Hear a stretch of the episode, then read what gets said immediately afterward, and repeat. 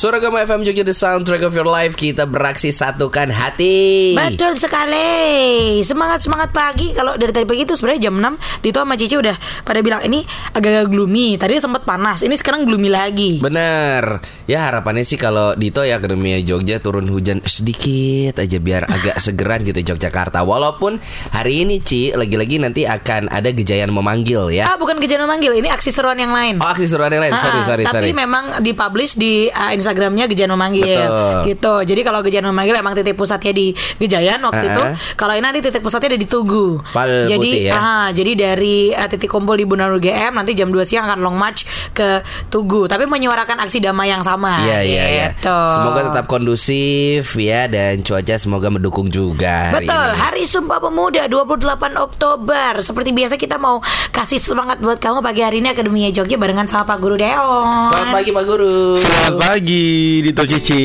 Yo. Hai para pemuda Selamat Sumpah Pemuda Yes. Yes, terima kasih orang tua.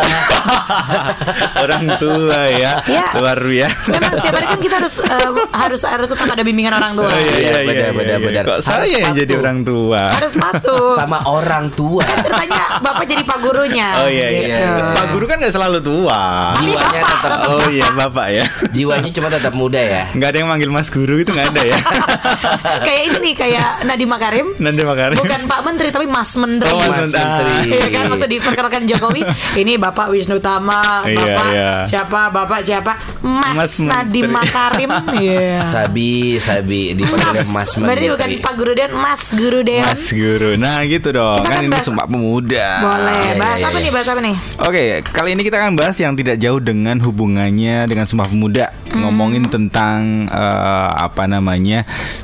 C for Indonesia, Z for Indonesia. Z, ya, ya, C ya, ya, for ya, ya. Indonesia. Benar-benar benar. karena kalau misalnya ngomongin generasi Z gitu kan eh, apa namanya banyak yang bilang aku milenial milenial dicari dulu milenial tahun berapa sampai tahun berapa cuy. Iya, iya, betul, iya. betul, Kalau betul. umur kamu sekarang em, 22 ke bawah berarti kamu udah bukan milenial lagi. Milenial itu 23 ke atas. 23 ke atas. ya. Ah, Yes. 23, 24, 25 ke atas itu kamu milenial. Tapi kamu 22, 21, 20 ke bawah, kamu udah It's bukan not millennial, post millennial. Kamu sudah post milenial Yes. gitu. Berarti kita milenial sih, Ci ya. kita milenial hitungannya cuy. Oh, kalian millennial sih? Milenial. Iya dong. Milenial. Berapa? 25? Enggak. Dua empat, aku dua Saya empat. 23. 23. Oh, jadi perbatasan Gitu. nih antara Perbatasan. Gen Z dengan milenial. Kalau- Alright. Kalau saya perbatasan antara eh, gen saya kan milenial, Ah. gen apa namanya gen X ya, Ah. dari tahun 80 sampai 96 kan. Ah. Eh, ap- yes 96, 96 sampai 2010 itu Gen Z. Betul sekali. Jadi kalian di bawah 96 ya? di bawah eh, Saya 96. Oh pas ah, pas 96. nah, aku 95. 95. Gitu. Oke. Sama saya juga perbatasan Anyar Panarukan kalau Ya saya. Allah. eh, eh Denius, Bu. Dendel sebenarnya. Dibuat ya. Ada apa dengan generasi Z nih Pak Guru? Oke, karena generasi Z ini kan generasi yang sekarang menguasai dunia ya, generasi Iya. milenial dan generasi Z. Karena di tahun-tahun ini, tahun 2019-2020 ini kan generasi Z juga mulai masuk tuh ke dunia profesional. Betul sekali. Umur 22, 23 itu kan baru masuk ke pekerjaan ya, Iya, iya, lulus iya. kuliah segala macam. Aha. Ya, da- dan nantinya generasi ini yang akan kemudian akan merubah dunia. Wah. Dan itu pun kita sudah mulai merasakan ini anak-anak ini ternyata anak-anak yang kreatif semua loh. Betul sekali, betul sekali. Dan ha- dengan dengan apa namanya dengan hadirnya anak-anak ini membuat industri itu semuanya berubah. Iya. Bukan cuman mereka yang menciptakan, tapi industri juga kemudian is- istilahnya apa? Eh, mem- menciptakan apa yang mereka butuhkan. Oke. Jadi Hmm. eh, penyebabnya banyak perubahan itu salah satunya karena Gen Z ini. Hmm, iya iya iya iya. iya. Tapi sebelumnya ngomongin tentang generasi apa namanya Z ini, mari kita lihat dulu eh, apa namanya Indonesia. Indonesia itu dari awal perjuangan bahkan dari masa penjajahan dulu yang menggerakkan Indonesia berjuang dan kemudian sampai akhirnya di hari ini itu adalah sebenarnya anak muda loh ya. Betul Iya, sekali. iya, iya. Ngomongin tentang perjuangan, banyak anak-anak anak muda yang berjuang, terus kemudian eh, diawali dengan Sumpah Pemuda, terus sampai di masa proklamasi itu juga Betul. kalau nggak nggak anak muda jalan, nggak ada proklamasi tuh. Benar, itu kayaknya kalau tidak ada kalau nggak ada suara anak muda yang oh kita harus kayak gini, Yes. nggak ada tuh rengas dengklok. Betul. Nggak ada tuh akhirnya proklamasi 17 Agustus ya. Iya. Desakan anak muda saat itu ya. Betul, 98, 98 juga Indonesia Ya, berubah, berevolusi, ber eh, apa namanya? eh, revolusi Reformasi. reformasi Reformasi. reformasi itu juga gara-gara Anak anak, muda. muda, dan Betul. di tahun ini 2019 anak mudanya juga kembali nih bergelora lagi pun hari ini juga katanya eh, kumpul di Tugu ya Iya, Betul sekali. Ya semoga uh, pergerakannya tidak disusupi macam-macam, Ya. jadi bergerak secara damai, bergerak dengan memang hati yang ingin menggerakkan Indonesia menjadi jauh lebih baik. Benar.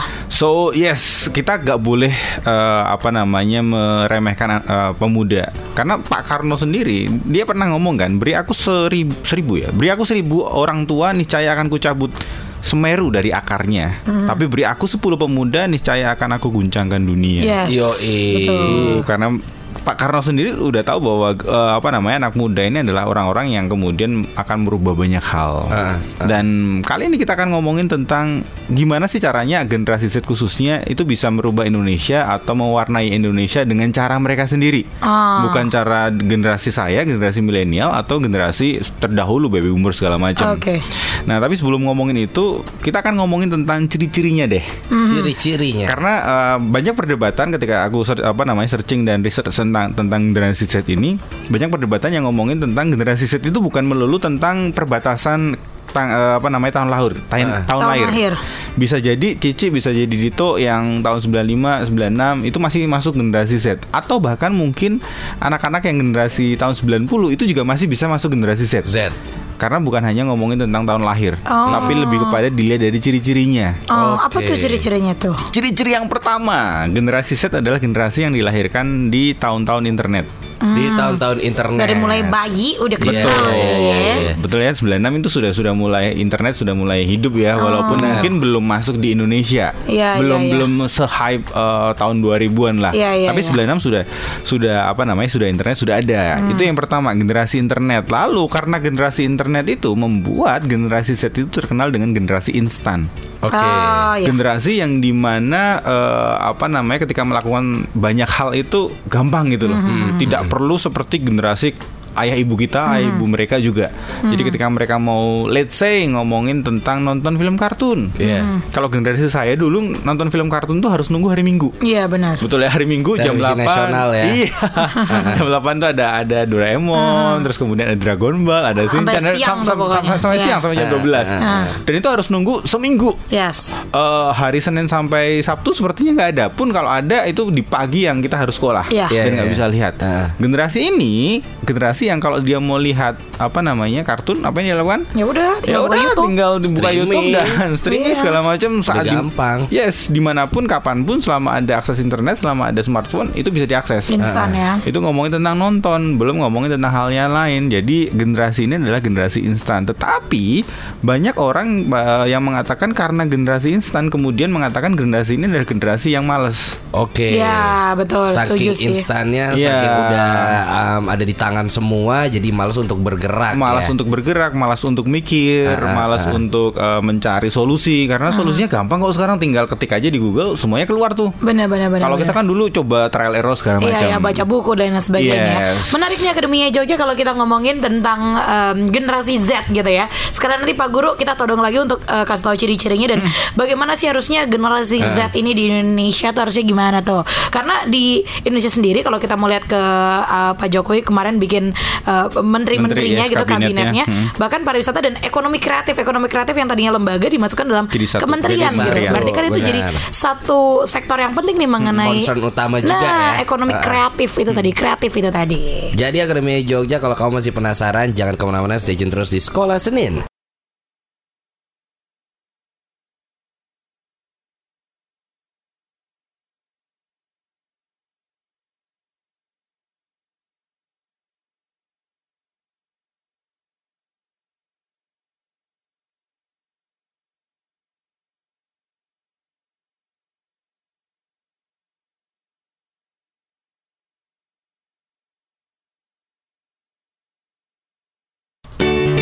Oke. Alright, kembali ke sekolah Senin bersama dengan Pak Guru. Hoi hoi Mas Guru. Eh, Mas, Mas Guru, sorry sorry sensitif loh ini hari ini. Iya, hashtag menolak tua ya. ya, Ah, ah, ah. Iya, Iya, betul, karena sumpah pemuda. Sumpah pemuda. Bukan sumpah orang tua, Betul. Jadi Mas Guru, kita Iya. lanjutkan lagi aja ciri-cirinya tadi seperti apa untuk generasi Z. Aha. Oke, tadi ngomongin sampai di generasi instan ya. Iya. Generasi instan tadi eh, apa namanya? Dilahirkan dengan sesuatu yang gampang, cepat, praktis. Terus Benar. kemudian Internet. karena karena itu terus kemudian jadi malas. Tapi kalau aku lihat di di sisi sebaliknya, justru karena anak-anak kini instan, mereka eh, apa namanya pernah nggak sih apa dengar atau baca quotes-nya Bill Gates? Apa mana tuh? tuh? Dia akan lebih senang hire orang-orang yang males. Oh iya, iya, iya, Iya kan? saya Pernah ya? pernah baca quotes-nya itu. Iya, dia akan lebih senang hire orang yang malas. Ini nggak tahu ini quotes Wah, beneran atau Bill Gates akan senang kepada saya. ya ini quotes beneran atau memang uh, ada meme-meme segala macam lah. Ah. Tapi intinya dia ngomong gini, "Uh, aku lebih seneng hire orang yang malas karena ketika aku hire orang orang yang malas, dia adalah orang yang bisa menemukan cara tercepat, cara terpraktis untuk menyelesaikan masalah. Ah, ah, ah. Karena dia pengen cepat segala se- uh, selesai. Selesai, gitu. selesai. Benar sih, logikanya masuk sih. Iya, iya, iya. Jadi oke, ya itu di sisi baiknya adalah ketika apa namanya dikondisikan dengan segala sesuatu yang instan, kemudian berpikir untuk membuat segala sesuatu juga lebih cepat, lebih gampang. Iya. Oke, lalu yang ketiga adalah ngomong masih berhubungan dengan internet. Ternyata 55% generasi Z ini menggunakan smartphone-nya itu 5 jam lebih. Oh, 5 jam ke bawah, 1 sampai 5 jam setiap hari. Setiap hari ya Ini dia. apa nih maksudnya? Millennials? Oh, no no, Gen Z. Oh, Gen. Z Aku sambil cek. Aku kalau di Instagram kan bisa ada average Iya, time-nya iya, tuh. iya, iya, Aku iya. sambil mau ngecek. Lanjut itu Pak Guru. 5 jam 1 sampai 5 jam. Hmm. Terus tapi 26% sisanya itu 10 jam lebih loh. Waduh. Kayaknya saya bagian dari si Yang itu deh yang ini? 10 persen deh. Yes, jadi eh, yang 20 persenan itu 5 sampai 10 jam, tapi 26 persen itu 10 jam lebih untuk ngecek internet, eh, Hmm. ngecek smartphone-nya. Bukan hanya ngomongin medsos, ngomongin hal yang lain juga. Benar, benar, benar, Karena sekarang kan kalau eh, ngomongin mau makan ngecek med, eh, sos- Iya, smartphone, iya. mau eh, cari apa namanya bahan materi juga smartphone segala Ah, macam. Jangan kan itu mau makan aja bikin polling dulu di Instagram. Nah. Aku makan nasi apa roti ya? Makan hati tiap hari ngeliatin instastory Anda terus. Yoi, biar lebih, lebih kenyang kasih temen makan temen. Yoi. Lanjut. Oh, Oke, lalu 73% Gen Z itu mencari tahu eh, produk terbaru dari apa brand itu dari Instagram ternyata. Ya.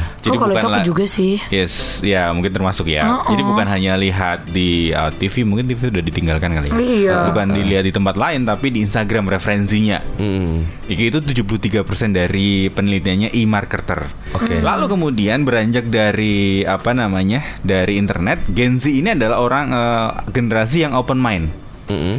Kalau milenial itu sedikit lebih close dan sebelumnya juga lebih close. Hmm. Ngomongin open mind itu apa? Open mind itu ngomongin tentang kita lebih senang dengan eh, apa namanya perbedaan.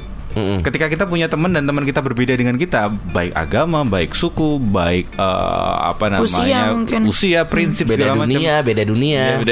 Enggak dong. Enggak juga ya. Ini apa? Temen goib. Gen Z Cinematic Universe. lanjut, lanjut. itu akan lebih lebih bisa menerima gitu loh. Contoh kasus ketika semisal ngomongin hal-hal yang sensitif, ngomongin tentang eh, percintaan yang biasanya cowok dengan cewek, tapi Gen Z ini eh, agak sedikit lebih terbuka ketika melihat temennya, let's say eh, apa namanya apa ya, boleh nyebutin gak sih? Ini apa? Suka Ah. dengan sesama jenis Oh, gitu. iya. Mereka kan lebih oh ya wes oke eh, itu urusanmu, urusanku urusanku. Iya, iya, Ya, sama Jadi lebih- isu-isu yang lagi hot banget nih sekarang mereka open minded Iya, aja open, ya. open mind uh, open mind banget dan bahkan ngomongin tentang open mind, mereka bukan hanya generasi yang toleran, Mm-mm. tapi generasi yang di atas toleran. Generasi di atas toleran itu apa? Generasi yang bisa merayakan perbedaan.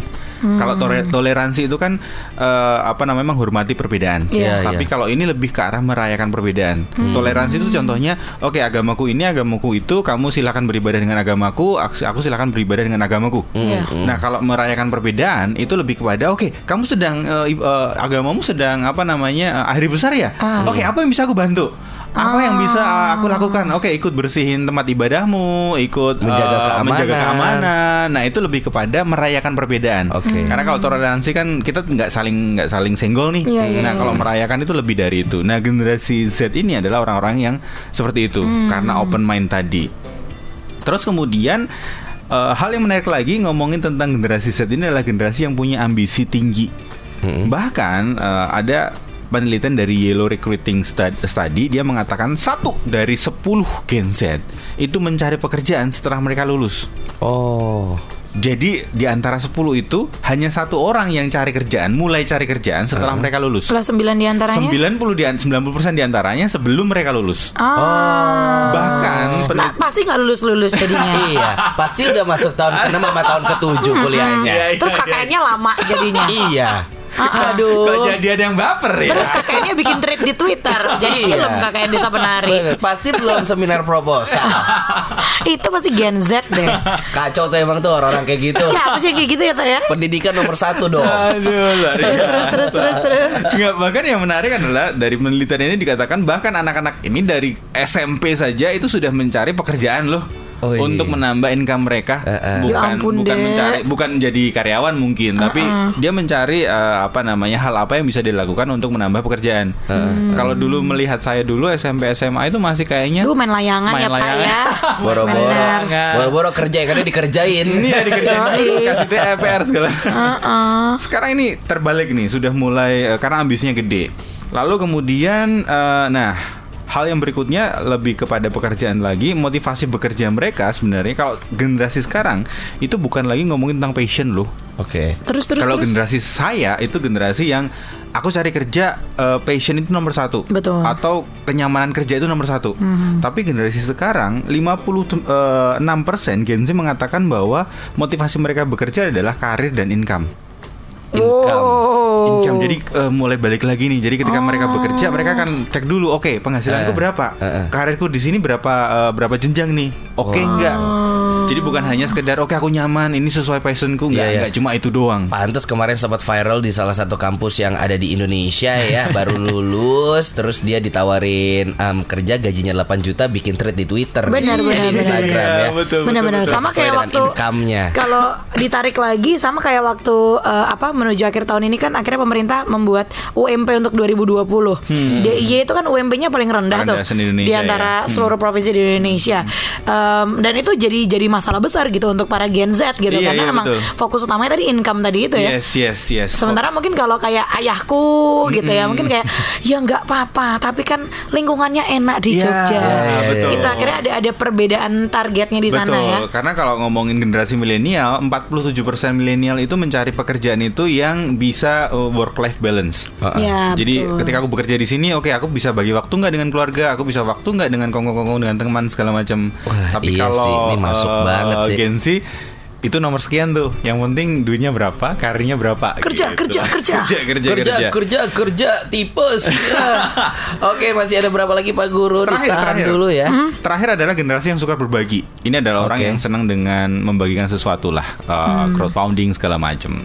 So itu Gen Z, Iya ciri-cirinya. iya iya iya iya seru seru seru seru. Apakah kamu termasuk di antaranya Akademia Jogja? Kayaknya Iya. iya deh. Aku tadi ada di beberapa yang sudah disebutkan ciri-cirinya tuh. Benar. Sambil kita kasih waktu kamu berpikir berpikir dulu sambil nanti kita akan balik lagi masih ngomongin Gen Z ya.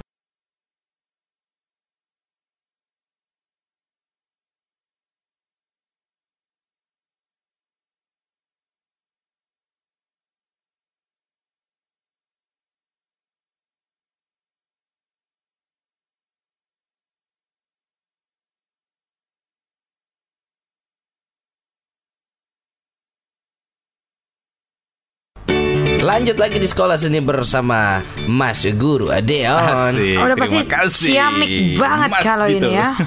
Iya iya iya iya ya karena topiknya juga hari ini sangat seru sekali Akademia Jogja tentang generasi Z. Gen Z.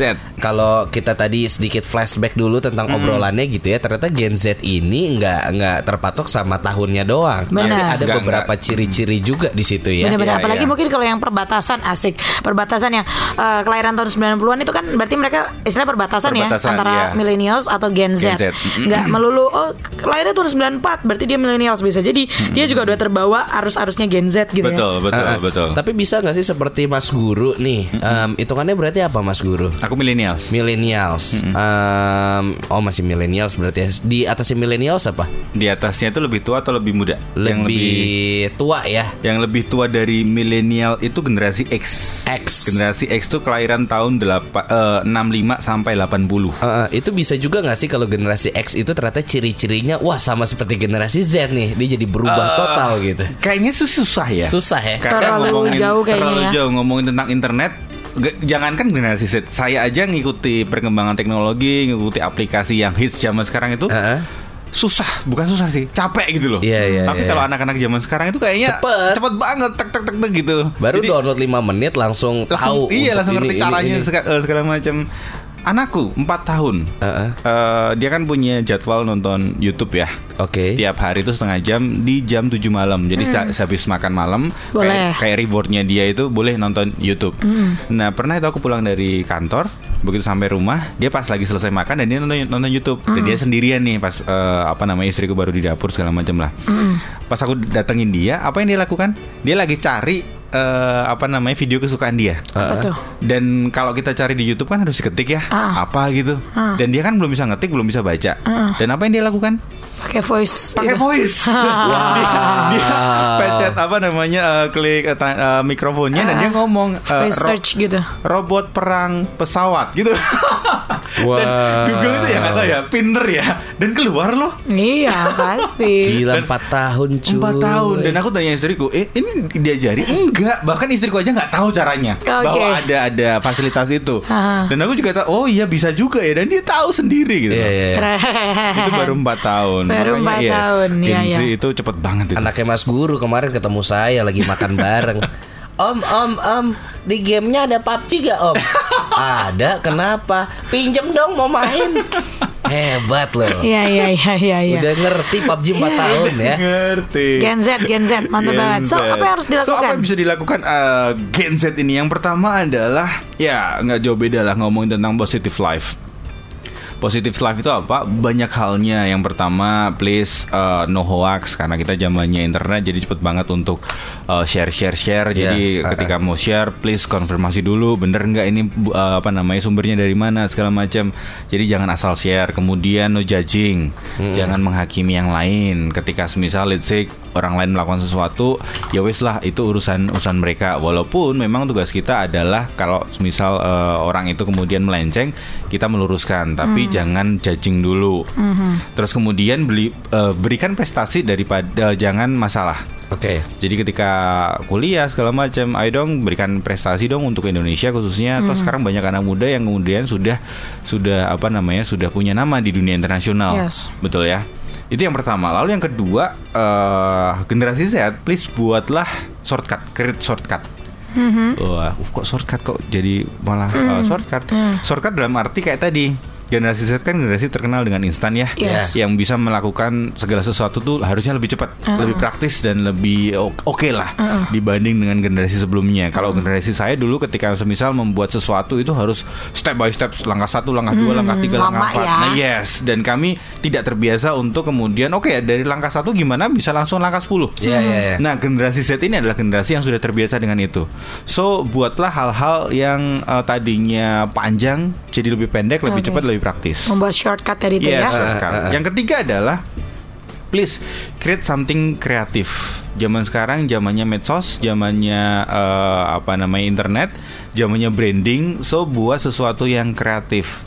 Baik via eh, Instagram, via YouTube eh, atau apa pun, please buatlah sesuatu yang kreatif dan pastinya kreatif ini sesuatu yang bukan hanya membuat viral doang, Iya, iya. tapi sesuatu eh, yang oke gitu loh. Benar, ada ada benar. dampaknya bukan hanya sekedar hahaha terus kemudian viral enggak enggak enggak juga itu tapi kreatif yang kemudian akhirnya membuat eh, viral dan membuat dampaknya oke Bermanfaat lah ya. Bermanfaat. Ah. Betul betul. Kalau misalnya aku lihat ada beberapa brand yang em, brand besar Indonesia gitu ya, Hmm. produk ada yang jasa, ada yang barang gitu, bikin apa namanya video-video, gitu iklan-iklan. Kalau dulu kan iklan ya direct iklan gitu. Betul. Kalau kamu mau rambutnya sehat, pakai sampo ini Iya, gitu kan. iya, iya. Kalau ini dengan ada ada sekarang ada apa KOL juga ada key opinion leadernya, Betul, betul. mencari orang siapa yang punya Iya. apa segala macam, lalu videonya di direct sebegitu rupa gitu. Jadi eh, apa iklannya tersirat tapi nyantol terus tuh di Bener. kepala brand itu gitu kan. betul, yes. iya. Dan dan ini eh, apa namanya bisa mendatangkan income loh.